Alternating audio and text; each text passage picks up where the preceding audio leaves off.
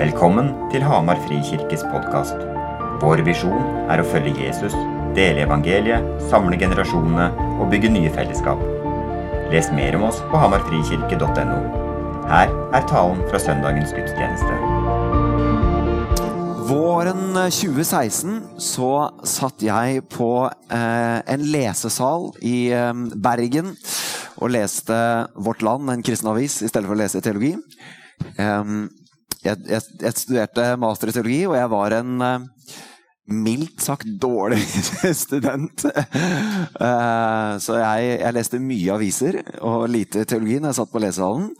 Vi bodde i Bergen, um, og ved siden av studiet så jobba jeg som ungdomsarbeider i Den norske kirke på Sotra. Trine tok en mastergrad i komposisjon og musikk. Og planen var nå skal vi ha to år i Bergen, og så skal vi flytte tilbake til Oslo. Fordi det går ikke an å leve som komponist eh, hvis du ikke bor i Oslo. Og det å leve som komponist er nesten umulig uansett. Så, så planen var Oslo, slik at Trine kan få jobbe med musikk. Og så finner jeg noe, å gjøre, noe å gjøre der. Og så satt jeg og leste Vårt Land, da. Um, og bladde meg gjennom. Og så kom jeg til annonsene. Og der leste jeg en jobbutlysning til medpastorstilling i Hamar frikirke. Og det sparka i magen. Skikkelig sånn adrenalinkick i magen. Eh, for jeg har egentlig alltid sett opp til Hamar frikirke, sjøl om jeg ikke har vært en del av den menigheten. Bodde i Oslo og sånne ting. Jeg husker jeg snakka om Hamar frikirke.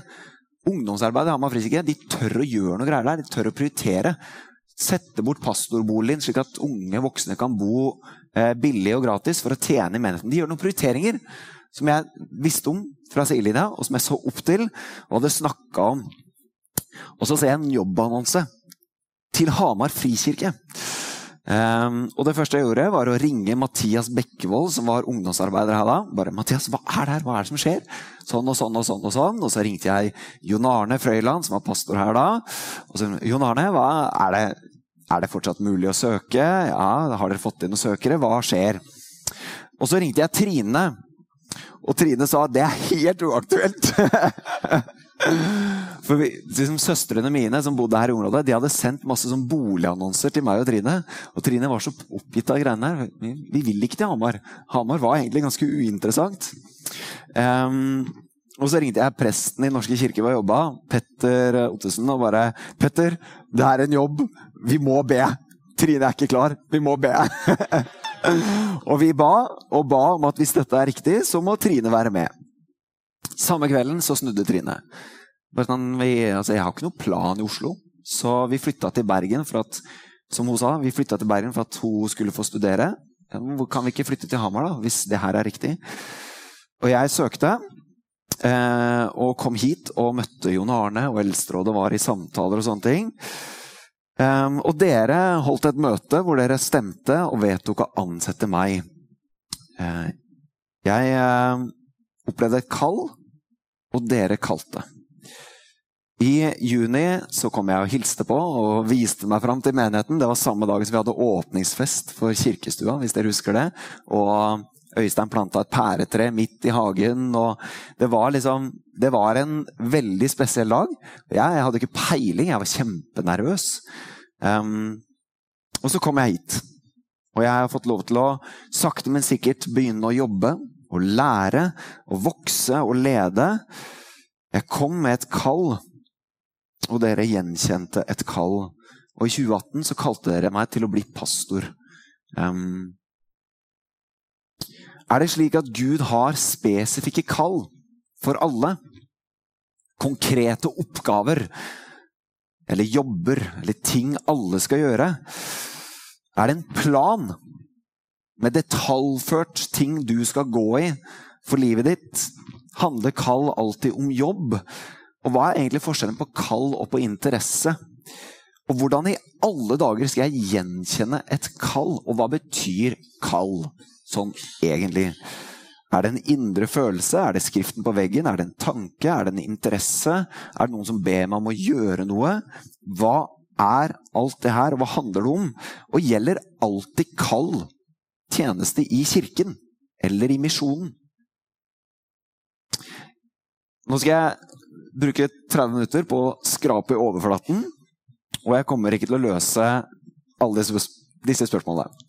Men jeg tror dette er spørsmål som det er nyttig å ta med seg for å kjenne etter og vurdere hva handler kall om, og hvordan henger det sammen med å leve bærekraftige liv?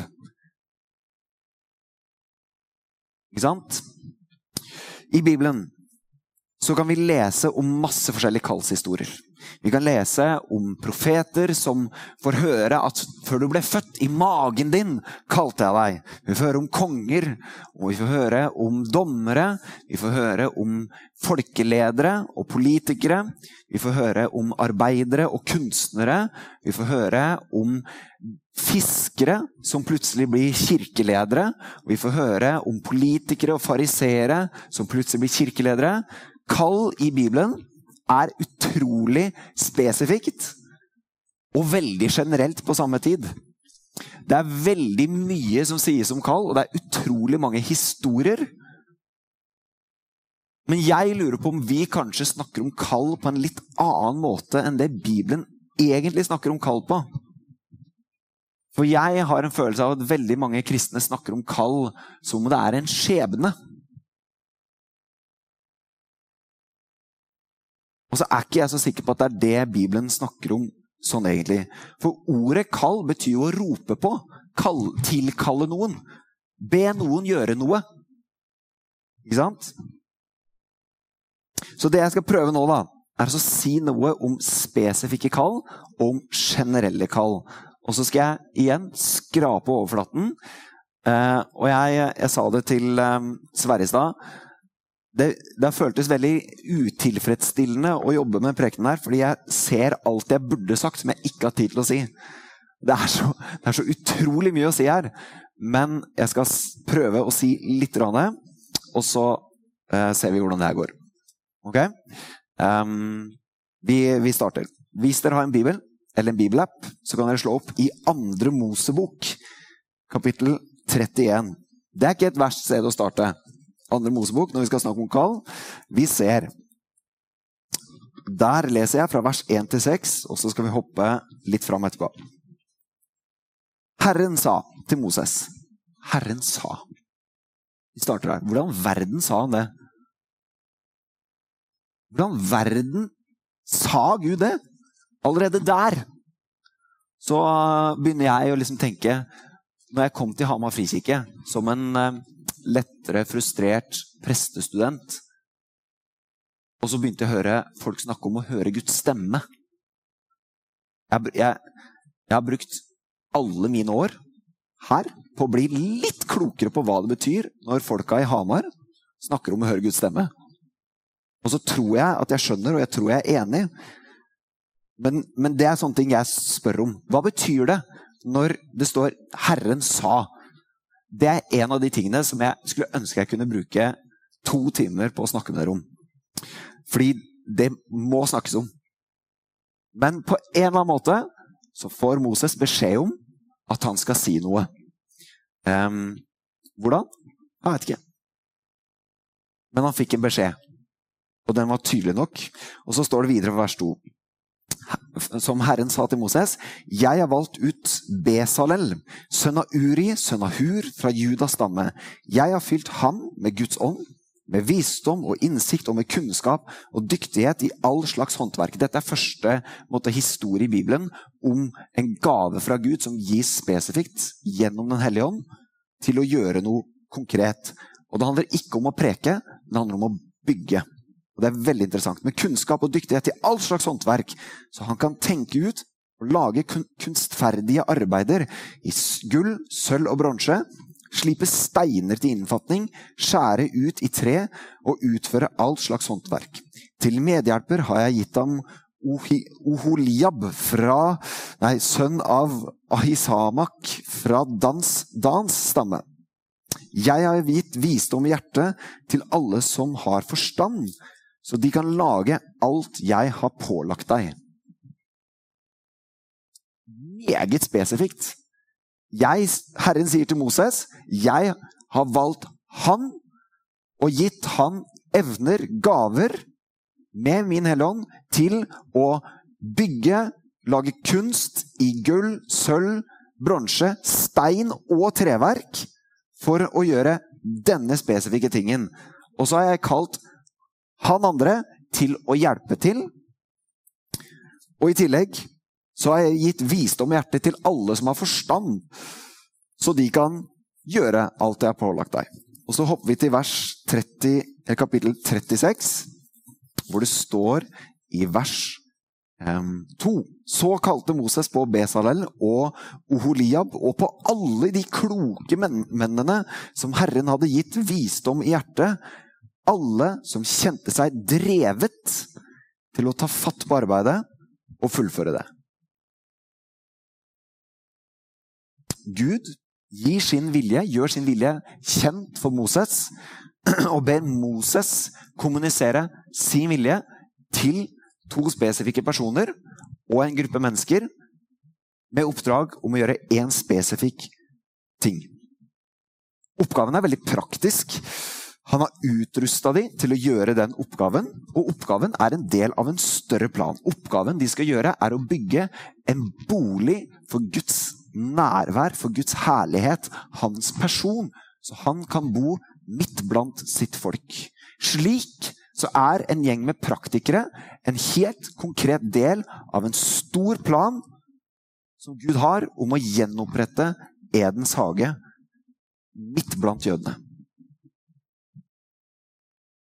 Veldig konkret, veldig spesifikt. Jeg lurer på om de som bygde dette, hadde en åndelig opplevelse. Kanskje de hadde. Det står ingenting om det. Det står bare at det blir kommunisert, og at de setter i gang å jobbe. Og Dette er kanskje første poenget. Kanskje samtalen vår om kall trenger å bli litt mer alminnelig og mindre åndelig. Fordi hva hvis jeg ikke opplever noe åndelig? Er jeg da ikke kalt? Er et adrenalinkick i magen når jeg leser en jobbannonse, er det en åndelig opplevelse? Ja, men nei. Det er et adrenalinrush.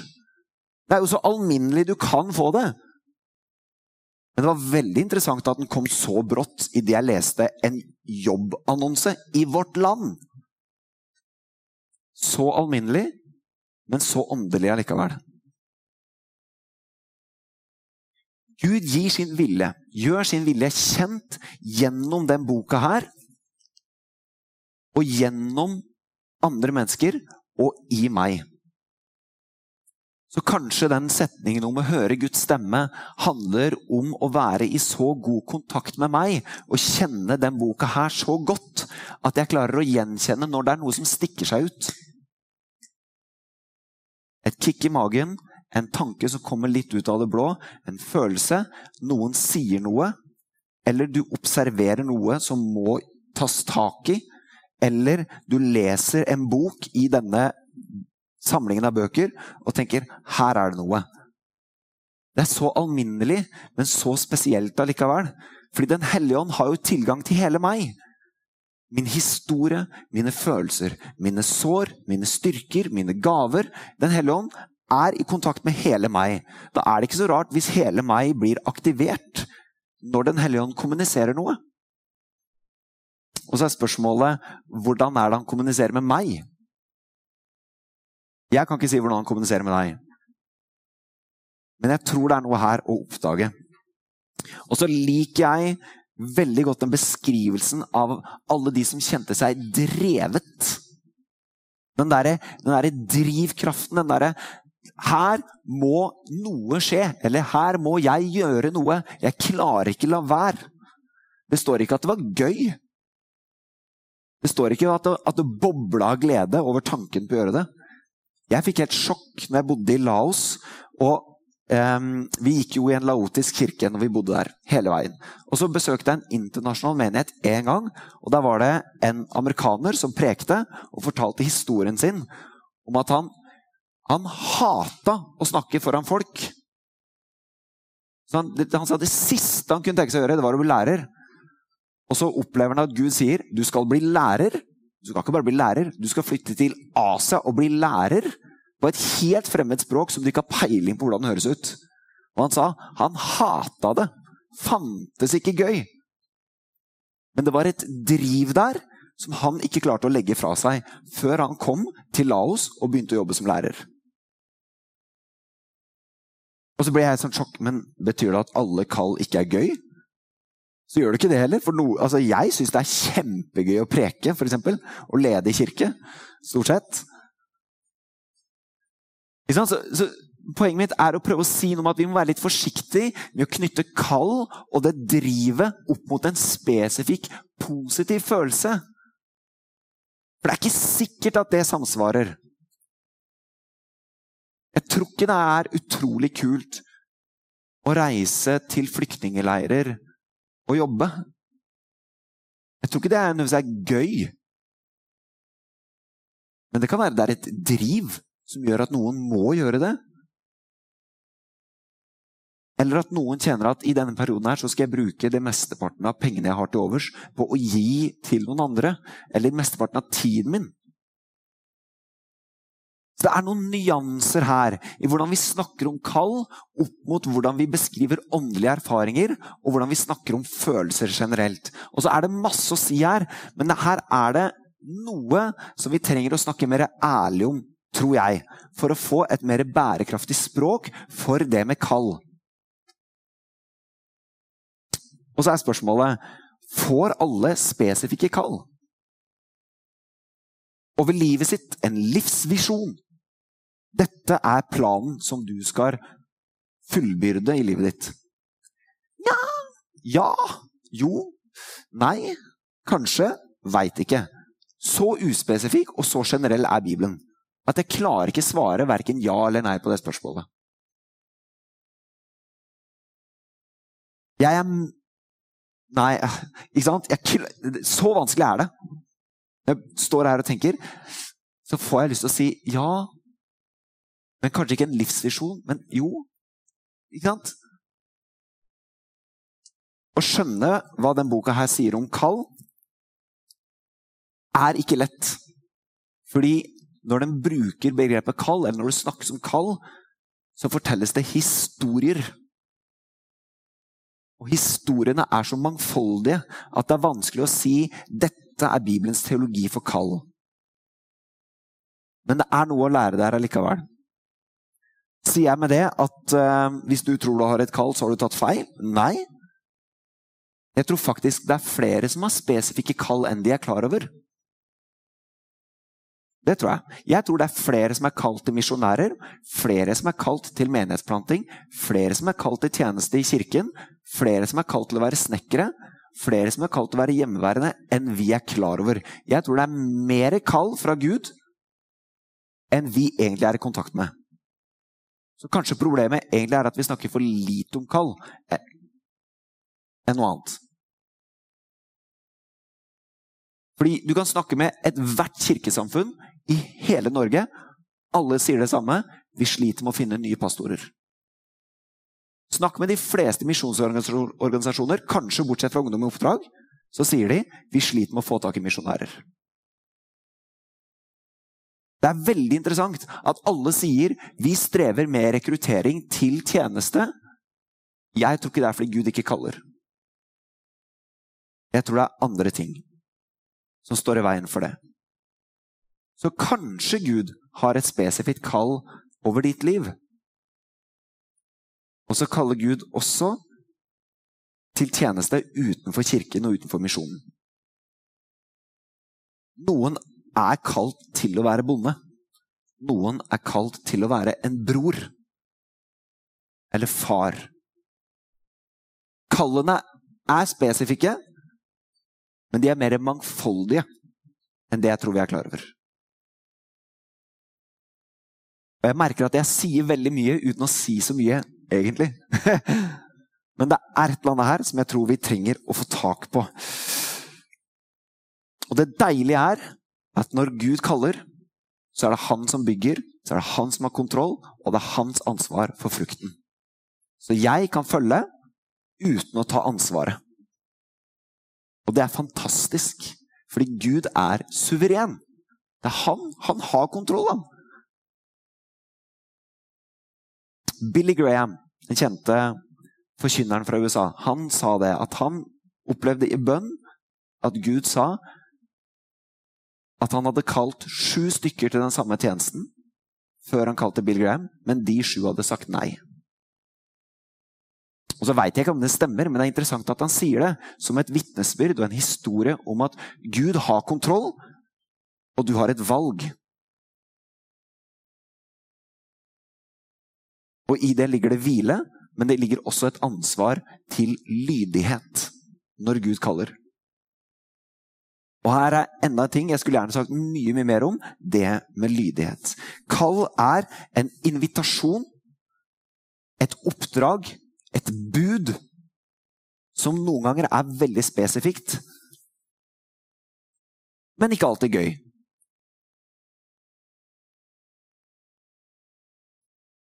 Og så er spørsmålet hvilke kall er det som er i denne menigheten? Nå skal jeg være frimodig og si jeg tror det er folk her som har kall som de ikke er i kontakt med. Jeg tror det er folk her som er kalt til menighetsplanting. Jeg tror det er folk her som er kalt til misjon. Jeg tror det er folk her som er kalt til tjeneste på en eller annen måte. Jeg tror det er noen som er kalt til å jobbe i kirke. Det er ikke sikkert at det kallet betyr at det er nå. Det kan være der om 20 år. Ikke sant? For jeg sier ikke at det skjer nå, når det er spesifikt. Og så tror jeg det er noen som er kalt til helt vanlige, alminnelige arbeid og hverdag, men som er spesifikke.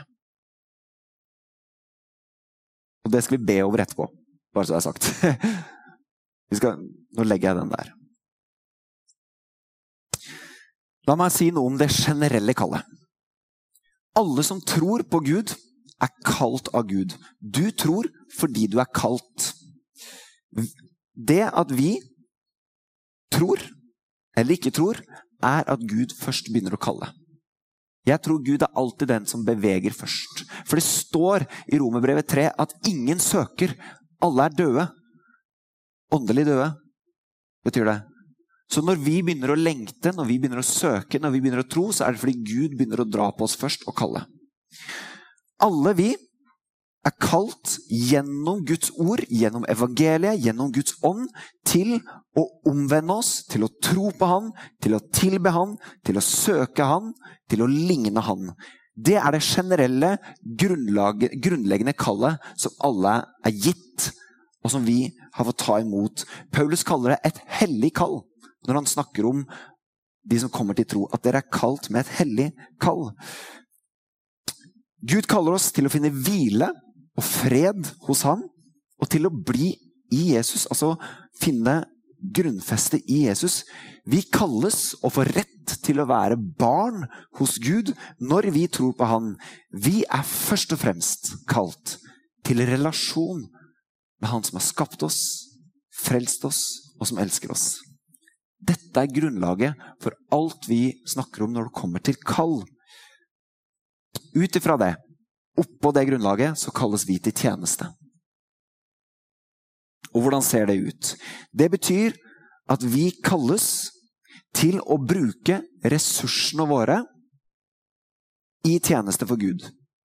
Og med ressurser så snakker jeg om penger, tid, talenter, tjenester, styrker, gaver. Den du er, det du har, enten det er mye eller lite, er du kalt til å forvalte i tjeneste for Gud.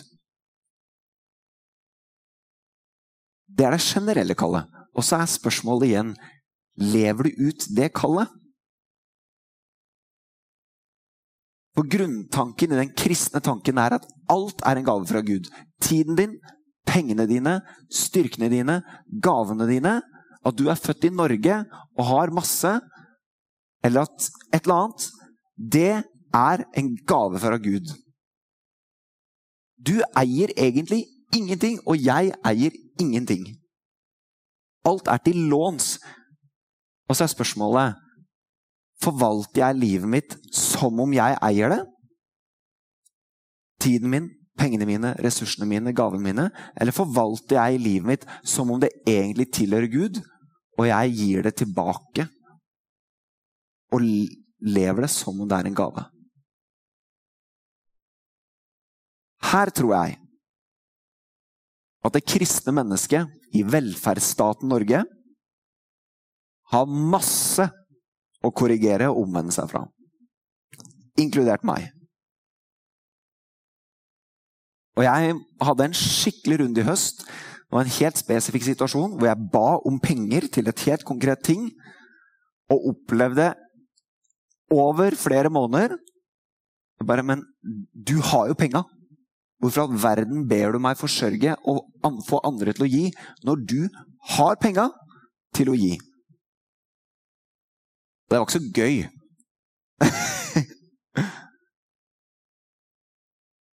Men det var veldig riktig å gi de penga. Men jeg merka at jeg holdt på de penga som om de var mine. Så jeg måtte selge aksjer for å gi det. Og jeg tror det var helt riktig. Og dette er enda en del av grunnlaget, at vi er først kalt til å følge.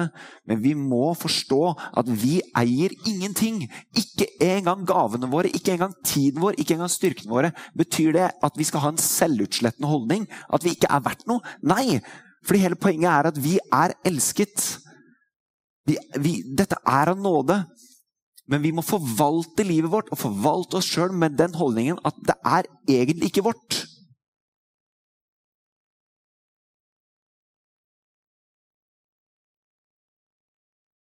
Og dette skal vi også be om etterpå. Men lever du som om det er ditt eget? Men når du da tenker over alt du har, alt du eier Jeg skal gå mot landing nå. Hvordan skal du finne kallet ditt? I hvordan forvalte det? Herman Haaland, som starta Skaperkraft, som Joakim Magnus som talte forrige søndag, jobber i, han sier dette. Kallet ditt finner du i kryssespunktet mellom dine styrker, gaver, talenter, ressurser og behovene rundt deg. Der finner du kallet ditt. Hvis du har noe som kan dekke dette behovet, så er det et kall fra Gud. Det kan være en gave til å tjene, f.eks. ved å preke der noen trenger en forkynner. Til å gi der noen trenger penger. Til å gi tid der noen trenger oppmerksomhet. Det er så alminnelig og så åndelig som du kan få det. Og så er spørsmålet hvordan skal du komme i kontakt med det? Hvis du og jeg er helt på felgen fordi vi aldri hviler. Og Derfor starta vi denne taleserien med å snakke om sabbat.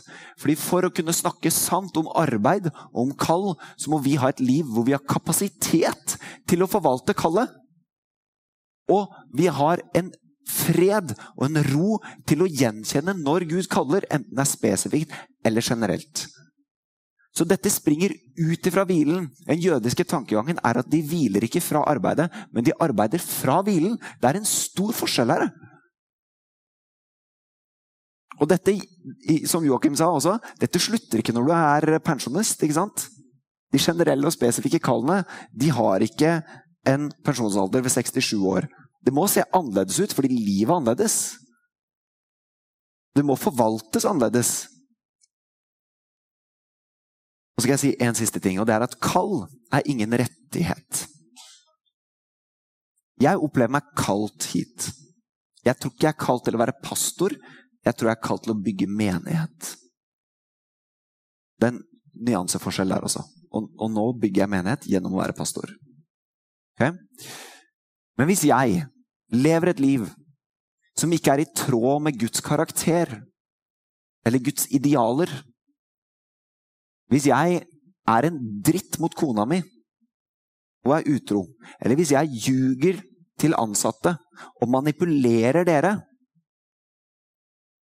så har ikke jeg rett til å stå i kallet som dere har gitt meg, og som jeg har kjent hit, når livet og idealene mine brister.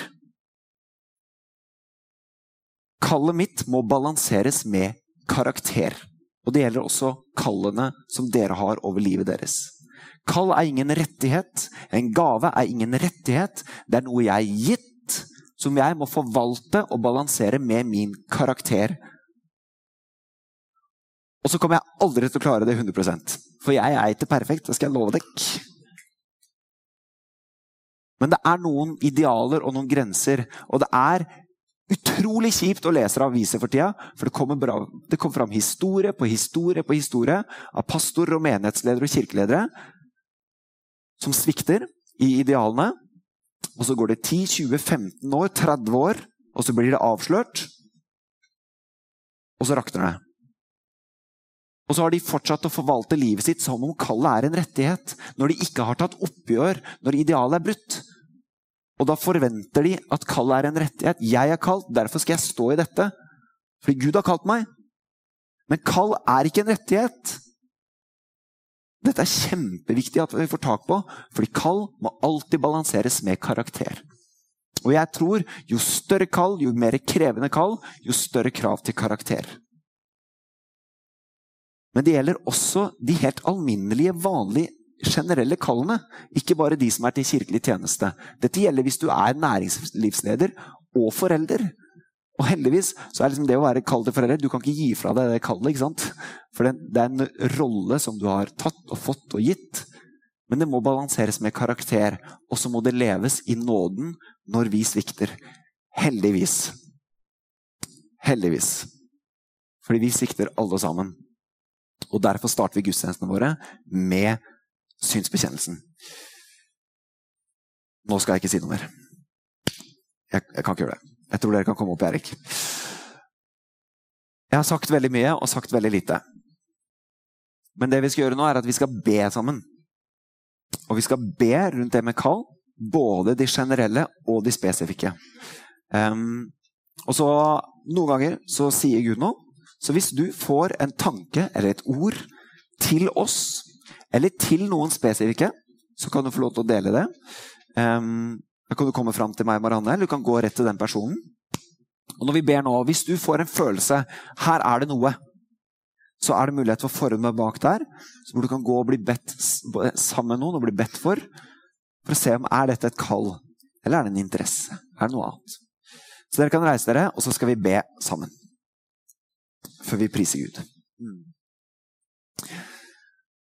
La oss be. Herre, takk for at du først kaller oss. At du har kalt oss til tro, at vi har fått rett til å være barn. Rett til å kjenne deg og være kjent av deg. Takk for at alt er en gave. Og så ber jeg. Jeg ber over oss som menighet om at du må bekrefte kall som du har gitt Enten det er noe som skal skje nå eller senere. Jeg ber Gud, hvis det er noen her som du kaller til spesifikke oppgaver i tjeneste for din kirke, i misjon, i næringsliv, i hjem og familie, i skoler, i landbruk eller hva det skal være, så ber vi om at du skal gi tanker og ord og bilder så ber vi om at du skal bekrefte de kallene fra utsida. Og så ser du at du har gitt oss alle ressurser. Og at de ressursene kan dekke behov rundt oss. Og at det også er kall. Så jeg ber Gud om at hvis vi har noe som kan dekke noe, et behov rundt oss, så skal vi få de samme tankene, ordene, bildene, navnene, stedene. At det skal dukke opp i oss. Thank you.